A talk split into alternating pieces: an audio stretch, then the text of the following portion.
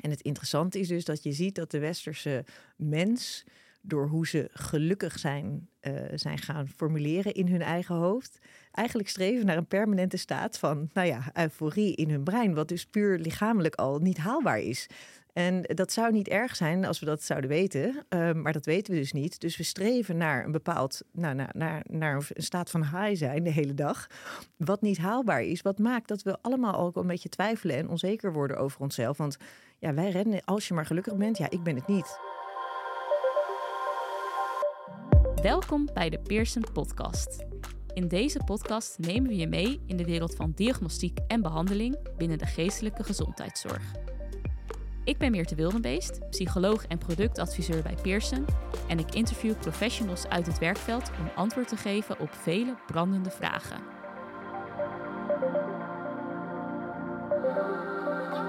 Voordat we verder gaan, nog even dit. De toenemende prestatiedruk, het gevoel van alles te moeten en de hoeveelheid aan keuzes in de huidige maatschappij kunnen uiteindelijk zorgen voor stress, angst en depressieve klachten. Met de BEX vragenlijsten houd je vinger aan de pols bij jouw cliënten.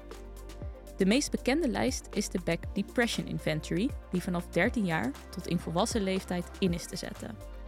Speciaal voor jongeren is er de BII, de Beck Youth Inventories, die al vanaf 7 jaar ingezet kan worden.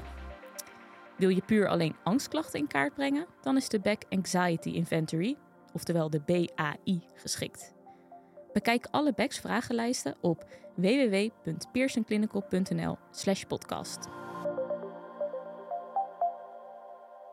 Welkom bij deze aflevering van de Pearson Podcast. Uh, we gaan vandaag weer een vraag beantwoorden, namelijk uh, wat betekent de druk van geluk?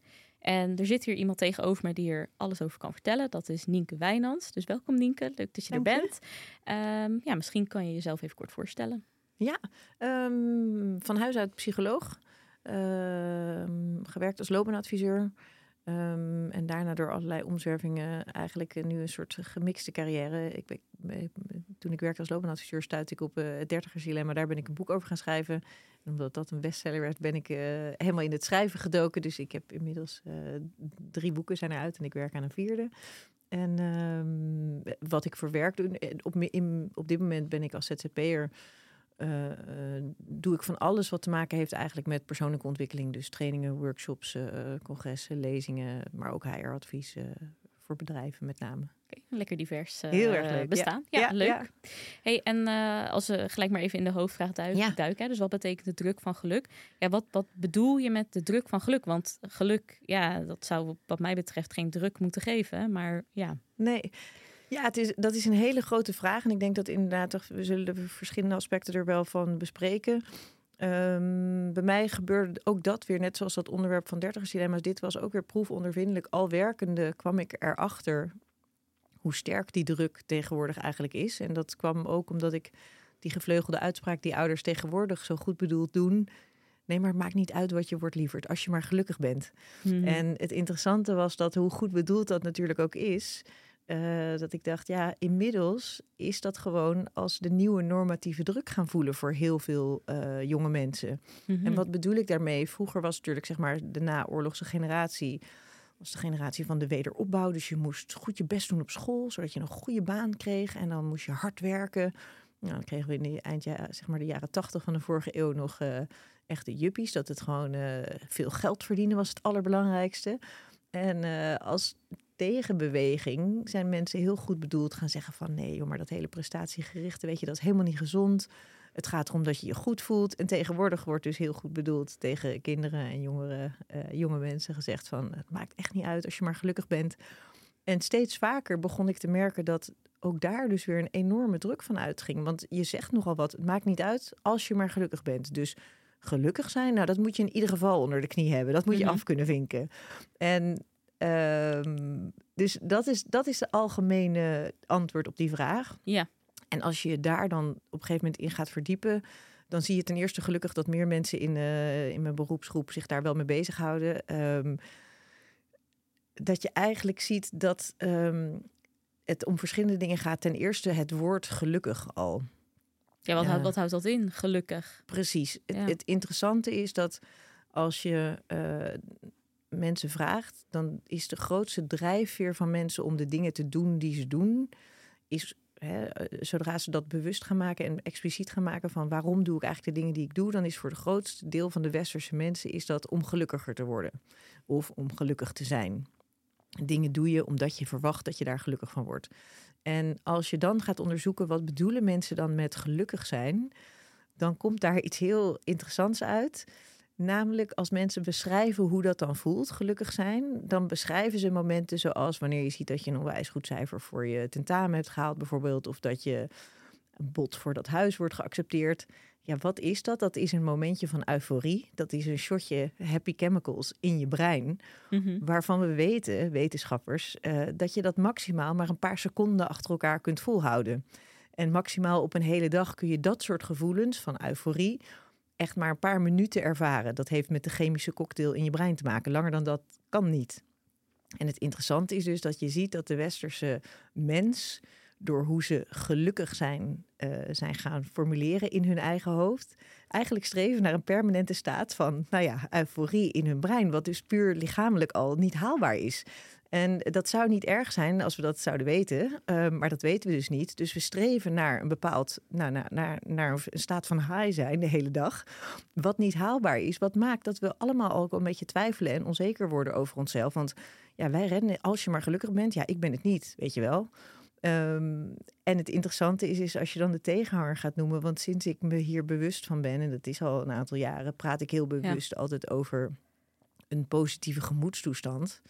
Nou, dan zie je mensen echt met hun ogen draaien van ja, daar streef ik toch niet naar. Ik, hallo, ik wil gelukkig zijn. Iedereen wil toch gelukkig zijn. Komt zij Mhm. aan met haar, met haar positieve gemoedstoestand. Ja, nog erger. Ja, precies. ja. Nog erger wordt het als je gaat praten over dankbaarheid of tevredenheid. Dan denken mensen, ja, braak zeg, daar heb ik echt geen zin Mm. in. Ik wil gewoon gelukkig worden. Help mij nou gaan. Mm, Het, het grappige is, ik snap ook wel, we kunnen in de volksmond best zeggen van ik streef er naar om gelukkig te zijn. Als je maar beseft dat je het eigenlijk hebt over dat je streeft naar een over het algemeen positieve gemoedstoestand. En filosofen en sommige psychologen, psychiaters gaan dan nog iets verder niet zeggen. Afwezigheid van pijn, mentaal of fysiek. Weet je, dan moet je eigenlijk al blij zijn. ja. En, maar om dan nog verder te gaan ehm, met die hele gelukshype, zijn we dus ten eerste vergeten wat betekent dat woord eigenlijk? Wat bedoelen we eigenlijk met als je streeft naar gelukkig zijn? Maar we zijn ook ongelukkig zijn heel erg gaan stigmatiseren. Dus als jij ongelukkig bent, is er iets mis met jou. Zeker in deze maatschappij waarin alles Mm. kan en alles Heb mogelijk je het dan is. eigenlijk aan jezelf te danken dat je ongelukkig bent? Precies, dan Ja. ben je dus niet alleen ongelukkig, maar ben je ook een loser. Want als jij het in deze maatschappij niet maakt en dus niet happy bent, En je hebt alle kansen gehad, bij wijze van spreken. nou, Ja, dan is ja. er maar één persoon die je daar als schuldige voor kunt aanwijzen. En dat ben je zelf. En dat betekent dus dat mensen bij wie het niet de hele tijd happy de peppy is, het risico lopen te denken dat ze abnormaal zijn. En dan heb je een uitspraak, vind ik prachtig, van de Vlaamse psychiater Dirk de Wachter. Die zegt, ehm, we kunnen daar dus op neerkijken, op al die mensen die zo oppervlakkig naar geluk aan het streven zijn. Maar de psychiatrie is een spiegel van de maatschappij. Dus wij hebben dat zelf veroorzaakt, dat we mensen zo dwingen in die zoektocht naar dat eeuwige geluk. En hij zegt, wat ik zie bij jonge mensen eh, die bij mij aan tafel komen, die praten een uur met mij. En daarna halen ze opgelucht adem en zeggen ze, oh, nou, ik voel me al zoveel beter ten eerste. En dan zeggen ze, nou, meneer, meneer de psychiater, ik heb hier echt nog nooit met iemand over gesproken. En hij zegt, nou ja, daar ligt voor een deel het probleem. Als je ook in Nederland, eh, de wachttijden voor de GGZ zijn enorm. eh, en er wordt enorm geklaagd over met name de jonkies die met aanstelleritisproblemen zich aandienen Ja. daar bij de GGZ. A, wij hebben ze dus zelf geconditioneerd dat als je niet gelukkig bent, is er een probleem. En bovendien, dat probleem heb jij zelf veroorzaakt. En B, het probleem is eigenlijk zo klein. Want als ze dus een uur eh, met een psychiater gesproken hebben, zeggen ze: Ik voel me al beter. En ik heb dit nog nooit eerder met iemand gedeeld. En dan denk je, Mm. waar we vroeger dus het buurthuis, de kerk, eh, de buurman, weet ik wat. Mensen zijn verleerd met elkaar te praten. En al helemaal verleerd om te praten over dingen die wat minder gaan. En dat heeft natuurlijk Ja. voor een deel ook te maken met social media, waar we aan elkaar allemaal presenteren. Hoe goed het, hoe goed het gaat. love my life. Love my life. Hashtag love Ja. my life. Weet je wel? Mm. Ja, dat doet iets met degene die dat leest. Als jij continu hashtags van anderen leest met hashtag love my life, dan, dan ga je vanzelf denken. Ik love my life helemaal niet zo heel erg als Henk of Piet of Klaas of eh, ik noem maar wat. Mm.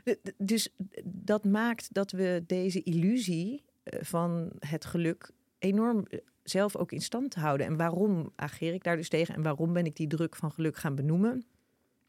Omdat ik dus enerzijds denk dat het probleem inderdaad niet zo groot is als het door degene die er last van heeft wordt ervaren is. Maar anderzijds dat de maatschappij op dit moment wel ehm, veel meer dan het individu er schuld aan heeft dat we zover zijn gekomen. En dat dus ook ehm, die enorme druk om toch maar vooral gelukkig te zijn, ehm, dat, het, dat het heel begrijpelijk is dat jonge mensen zichzelf die druk opleggen omdat ze dat niet alleen van die goed bedoelende ouders die zeggen van joh, het maakt niet uit als je maar gelukkig bent. Maar ook in de maatschappij zit het in alles. Ongeluk is geen ruimte meer voor. Dat wordt niet geaccepteerd. Nee, het is je eigen schuld eigenlijk als je ongelukkig bent. Dat is dan de boodschap die, uh, die ze meekrijgen. Ja. Hey, en eh, je noemde van uh, dat, dat dus die jongeren tegen die psychiater dan wel eens zeggen van oh, ja, u bent de eerste met wie ik het over heb gehad. Ja. Zou je kunnen stellen dat er een ja, taboe uh, heerst op um, ja, toegeven dat, je, dat het inderdaad niet zo lekker gaat, dat je ongelukkig bent tussen alle schijnbaar gelukkige mensen? Zou je dat zo kunnen stellen? Ja, en ook, um, dus het taboe is er sowieso. En dat taboe zie je ook op social media. Um, maar ook hoe hoog het latje onbewust dus op alle vlakken in het leven is komen te liggen. Dus dat um, falen op geen enkel vlak eigenlijk meer een optie is. En zodra jij dus op welk vlak dan ook enigszins onderdoet, um, dat dat iets is wat je maar liever verzwijgt. En dat zie je heel vaak, juist dat degene, de dingen die je dan verzwijgt, uh, maakt dat je er in jezelf natuurlijk meer en meer over na gaat denken. Want je zit het weg te proppen en je denkt. Uh, en, en het is ook de verslaving die we hebben met z'n allen om. Uh, de, de, social media verslaving speelt een hele grote rol bij. Want mm. iedereen portretteert naar buiten natuurlijk het perfecte plaatje. Wat maakt dat als jij. En we volgen, kijk, stel nou dat jij helemaal gek bent van koken. en jij volgt alleen maar waanzinnige experts op dat gebied van koken. dan is dat nog prima. Want sociale vergelijking is al zo oud als de mensheid. Als je dat een beetje eh, optimistisch uh, opwaarts vergelijkt, dan kan dat heel motiverend, inspirerend werken en ook aanzetten tot actie. Maar het probleem is dat we tegenwoordig niet alleen vrij sadomasochistisch aan het vergelijken zijn, maar ook met op alle vlakken van het leven. Dus je wordt ochtends wakker en je volgt in je Instagram feed zie je en een interieurspecialist en iemand die opvoeddeskundige uh, is en iemand die een foodie is en iemand die een fitnesschool is. Dus mm jij volgt plaatjes van mensen die allemaal ergens in uitblinken, wat de illusie creëert dat jij dat allemaal in jouw leven zo goed zou moeten doen, zoals die persoon die dat ene aspect van zijn leven etaleert. Ja, dat is natuurlijk onhaalbaar. dat kan helemaal niet. Nee. dat moet je jezelf eigenlijk ook helemaal niet aan willen doen. Maar ja, je kan dat idee wel krijgen, kan ik me zo, uh, zo voorstellen. Ja. En, en, dan is eigenlijk een beetje de vraag van ja, um, hoe kan je dit, kunnen we dit weer omdraaien? nou, er zitten twee kanten aan. Het, het ene is dat wat, wat, ik zei, dat toen ik me eenmaal in dit onderwerp ging verdiepen, mensen echt een beetje met hun ogen gaan rollen als je het hebt over tevredenheid en dankbaarheid en positieve gemoedstoestand. Terwijl het interessante is dat juist vanuit de wetenschap uh, de positieve psychologie de afgelopen decennia enorme sprongen heeft gemaakt. En heel goed weet waar, waardoor ons welbevinden toeneemt. En dat dat vaak dingen zijn die we intuïtief helemaal niet zo belangrijk achten. We snappen wel dat het iets toevoegt, maar dat het zo belangrijk is, dat snappen we niet. Eerst is een hele saaie, gewoon goed eten en goed slapen. Nou, wat doen heel veel jonge mensen, met name dat slapen? Weet je, toch nog een Netflixje s'avonds en nog een en nog een. En vervolgens is het drie uur dat ze het licht uitknippen. En s ochtends vroeg eh, moeten ze... Dus goed slapen, goed eten, is dat geloven mensen niet dat dat zoveel doet voor je gemoedstoestand. Maar als je nou, hè, laten we dan nu even, we weten nu inmiddels, ik heb de definitie, laten we gewoon dat woord gelukkig. Van goed slapen en goed eten word je gewoon gelukkiger. Dat is duidelijk. Dat is, mm dat is bewezen. Beetje de basis misschien. Precies. Ja, ja, ja. Dan zijn er een aantal dingen uh, die je gewoon echt kunt doen, proactief, om dus ook ik gebruik even dat woord waar ik tegen gelukkiger te ja, Ja, ja. Het, is duidelijk. het is duidelijk. Ja. um, ook weer dingen waarvan je denkt, ja, ik snap het wel een beetje, maar het heeft veel grotere invloed dan je denkt.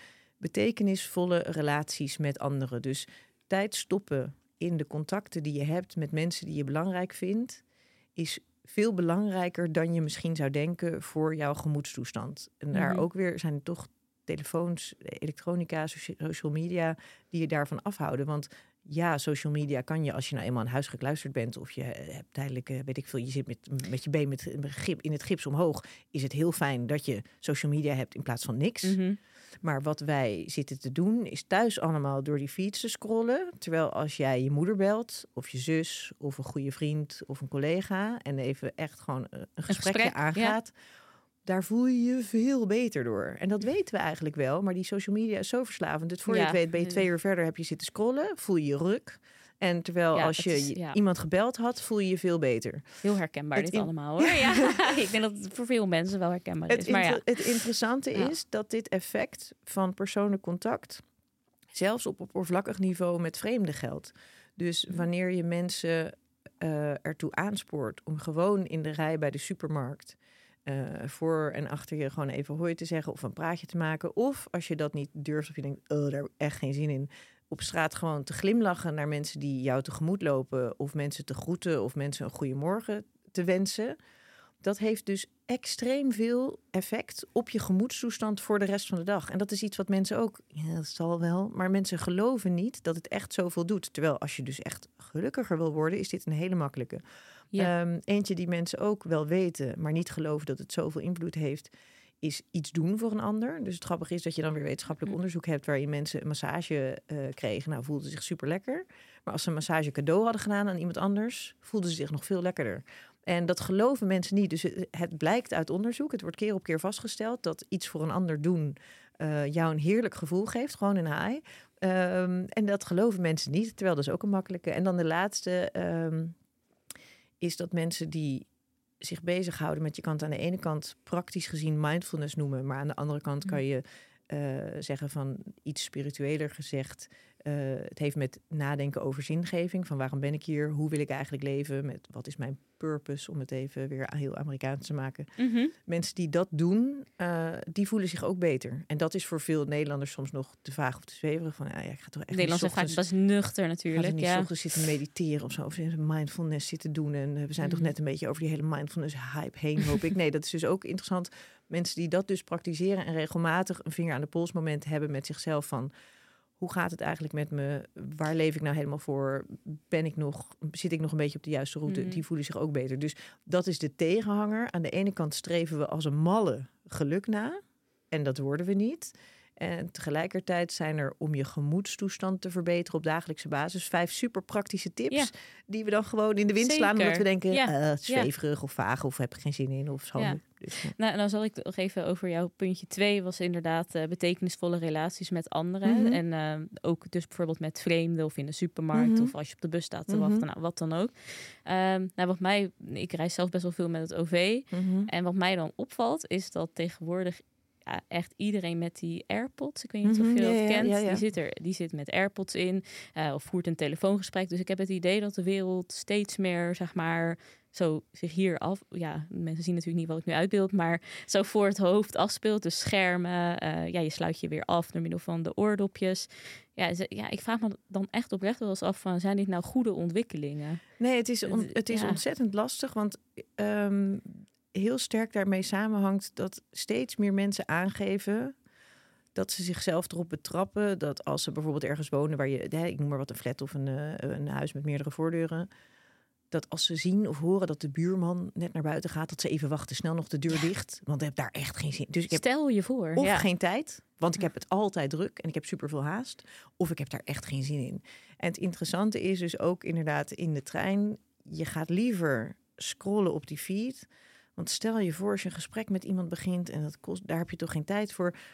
Het gekke is dus Mm. dat we helemaal. Ver, ik heb het gevoel dat er dus absoluut sociale verschraling optreedt, sociale armoede aan het optreden Ja, is ja, door de komst van die elektronica. Ja, Ja. inmiddels heb ik ook wel binnen mijn vakgebied zijn er wel meer psychologen, psychiaters, filosofen, therapeuten die hier ook wel mee bezig zijn en zich ook wel druk over aan het maken zijn. Ik hoop dat dat ook wel weer een soort golfbeweging gaat teweegbrengen.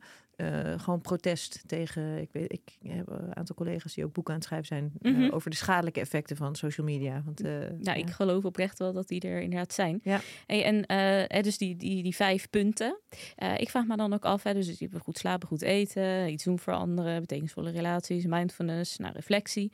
Ehm, ja, hoe zit het met de factor werk daarin? Want mensen moeten, ja, je moet werken Ja. voor je geld. En Ja. dat neemt best veel tijd in beslag Ja. natuurlijk. Is, de vraag, is het dan zo simpel als, ja, zoek gewoon een baan waarin al deze aspecten eh, ja, erin komen. En dan zal je ja, gelukkig werk, of ja, gelukkig, daar willen we eigenlijk niet meer van spreken, maar een positief werkleven hebben. Is dat... Ja. Ehm, er is een, een tweeledig antwoord op. Aan de ene Ja. kant hangt het heel erg af van je persoonlijkheid en ook hoe jij in het leven staat. Want er zijn mensen voor wie hè, werk je om te leven of leef je om te werken. Die, die verschillen zijn er echt. Er zijn mensen die weten van zichzelf dat ze het nodig hebben om inhoudelijk zo gegrepen te worden en bevlogen te zijn met hun werk, dat ze daar dan ook een heel groot eh, geluksgevoel uit kunnen halen. Er zijn ook mensen die weten van zichzelf: nee, ik werk echt heerlijk voor een bepaald basissalaris, want daarmee kan ik dingen doen die waar leven word. waard maken of zo. Ja. Ja, ja, ja. Mhm. De enige fout die er dus is, is als jij zelf die inschatting verkeerd maakt. Dus als jij denkt dat je per se inhoudelijk mega gedreven moet worden, maar je, hebt, je bent eh, bijvoorbeeld ook eh, perfectionistisch, je legt de lat voor jezelf hoog, eh, dan loop je een risico op burn-out, overwerkt, overstrest te raken enzovoort. Terwijl je eigenlijk denkt, ik ben op de route om mijn geluk uit mijn werk te halen. eh, maar je werkt jezelf over de kop. Tegelijkertijd heb je mensen die denken van nee joh, ik werk alleen voor dat salaris.